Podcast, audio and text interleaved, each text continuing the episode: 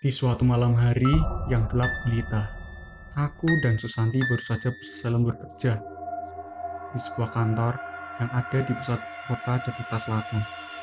Aku dan Susanti memutuskan untuk pulang bersama menggunakan kereta api, mengingat waktu itu yang sudah cukup larut malam dan tidak ada satu taksi pun yang lewat pada malam itu. Ketika aku dan Susanti sedang menunggu kereta datang, udara dingin terasa menyapa gelap gulita dan tidak ada satu orang pun di stasiun Manggarai. Susanti yang mulai merasakan hawa yang tidak enak, langsung menatapku dengan perasaan khawatir. Kamu kenapa, Sus? Tenang, tenang. Selama aku ada di sini, kamu aman kok. Tak lama kemudian, kereta tiba dan kami memasuki salah satu gerbong dengan tujuan stasiun Tanah Abang. Namun di tengah perjalanan, aku juga mulai merasakan sesuatu yang aneh terdengar suara-suara aneh dari tempat gelap dan tak terlihat. Tadi kamu dengar suara itu juga kan, Tok? Iya, itu yang tadi aku rasakan. Aku dan Susanti semakin merasa ketakutan.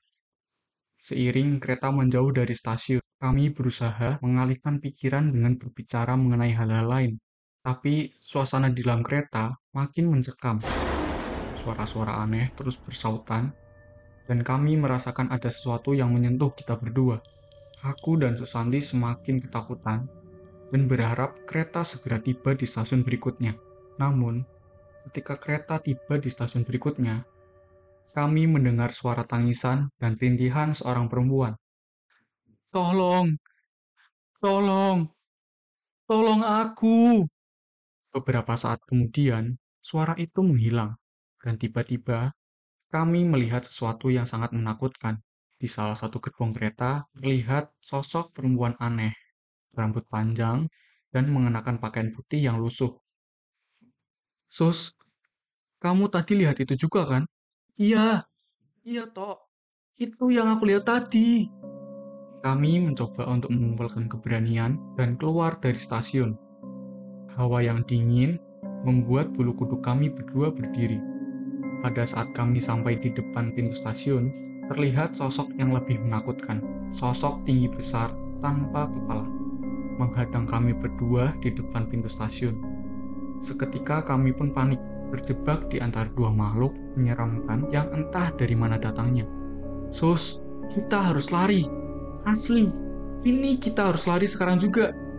Aku dan Susanti susah payah lari secepat yang kita bisa. Tetapi makhluk itu seperti mengejar tempat di belakang kami. Akhirnya, kami berdua menemukan tempat untuk bersembunyi dari makhluk itu. Kami berdua merasa lega sesaat. Namun, detik berikutnya, kami merasa terancam. Seperti ada sesuatu yang mengintai kita berdua. Namun, saat itu tidak ada satu orang pun selain kita. Suasana semakin mencekam dan tidak ada seorang pun yang terlihat di arah stasiun itu. Tok, kita harus mencari jalan keluar dari sini. Aku masih mau hidup, Tok.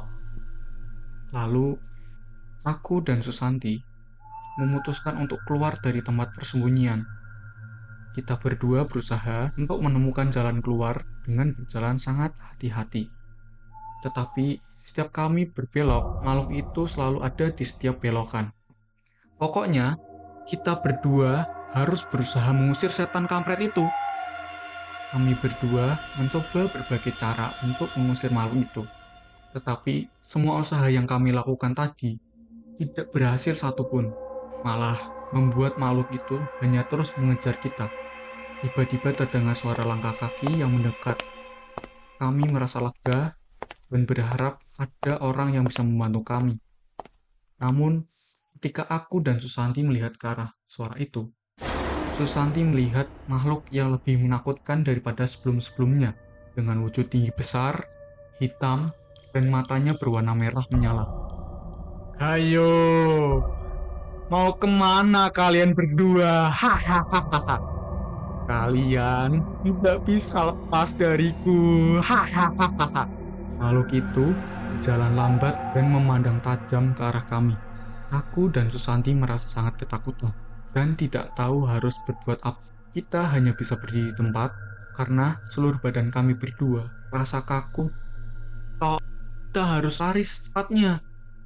Kami berdua berlari secepat mungkin, melintasi jalanan dan melompati pagar. Tapi makhluk itu terus mengejar. Akhirnya, aku dan Susanti kembali bersembunyi dan berharap bahwa makhluk itu tidak akan menemukan tempat persembunyian kali ini.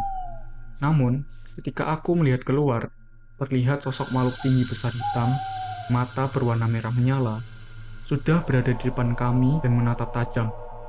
Tolong! Tolong! Adakah yang bisa bantu kami? Namun tidak ada jawaban dari siapa pun.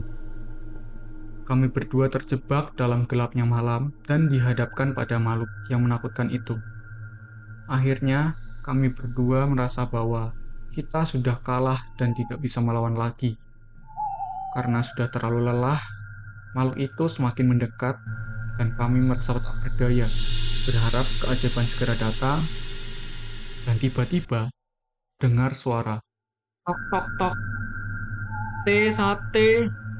Aku dan Susanti hanya bisa menatap kosong ke arah tukang sate itu dan tidak bisa berkata lalu seketika itu kami berdua pingsan dan dibawa ke rumah sakit untuk mendapatkan perawatan dan para dokter mengatakan bahwa kita berdua mengalami serangan panik dan kecemasan yang parah. Aku dan Susandi tidak bisa melupakan kejadian mengerikan yang kami berdua alami saat itu.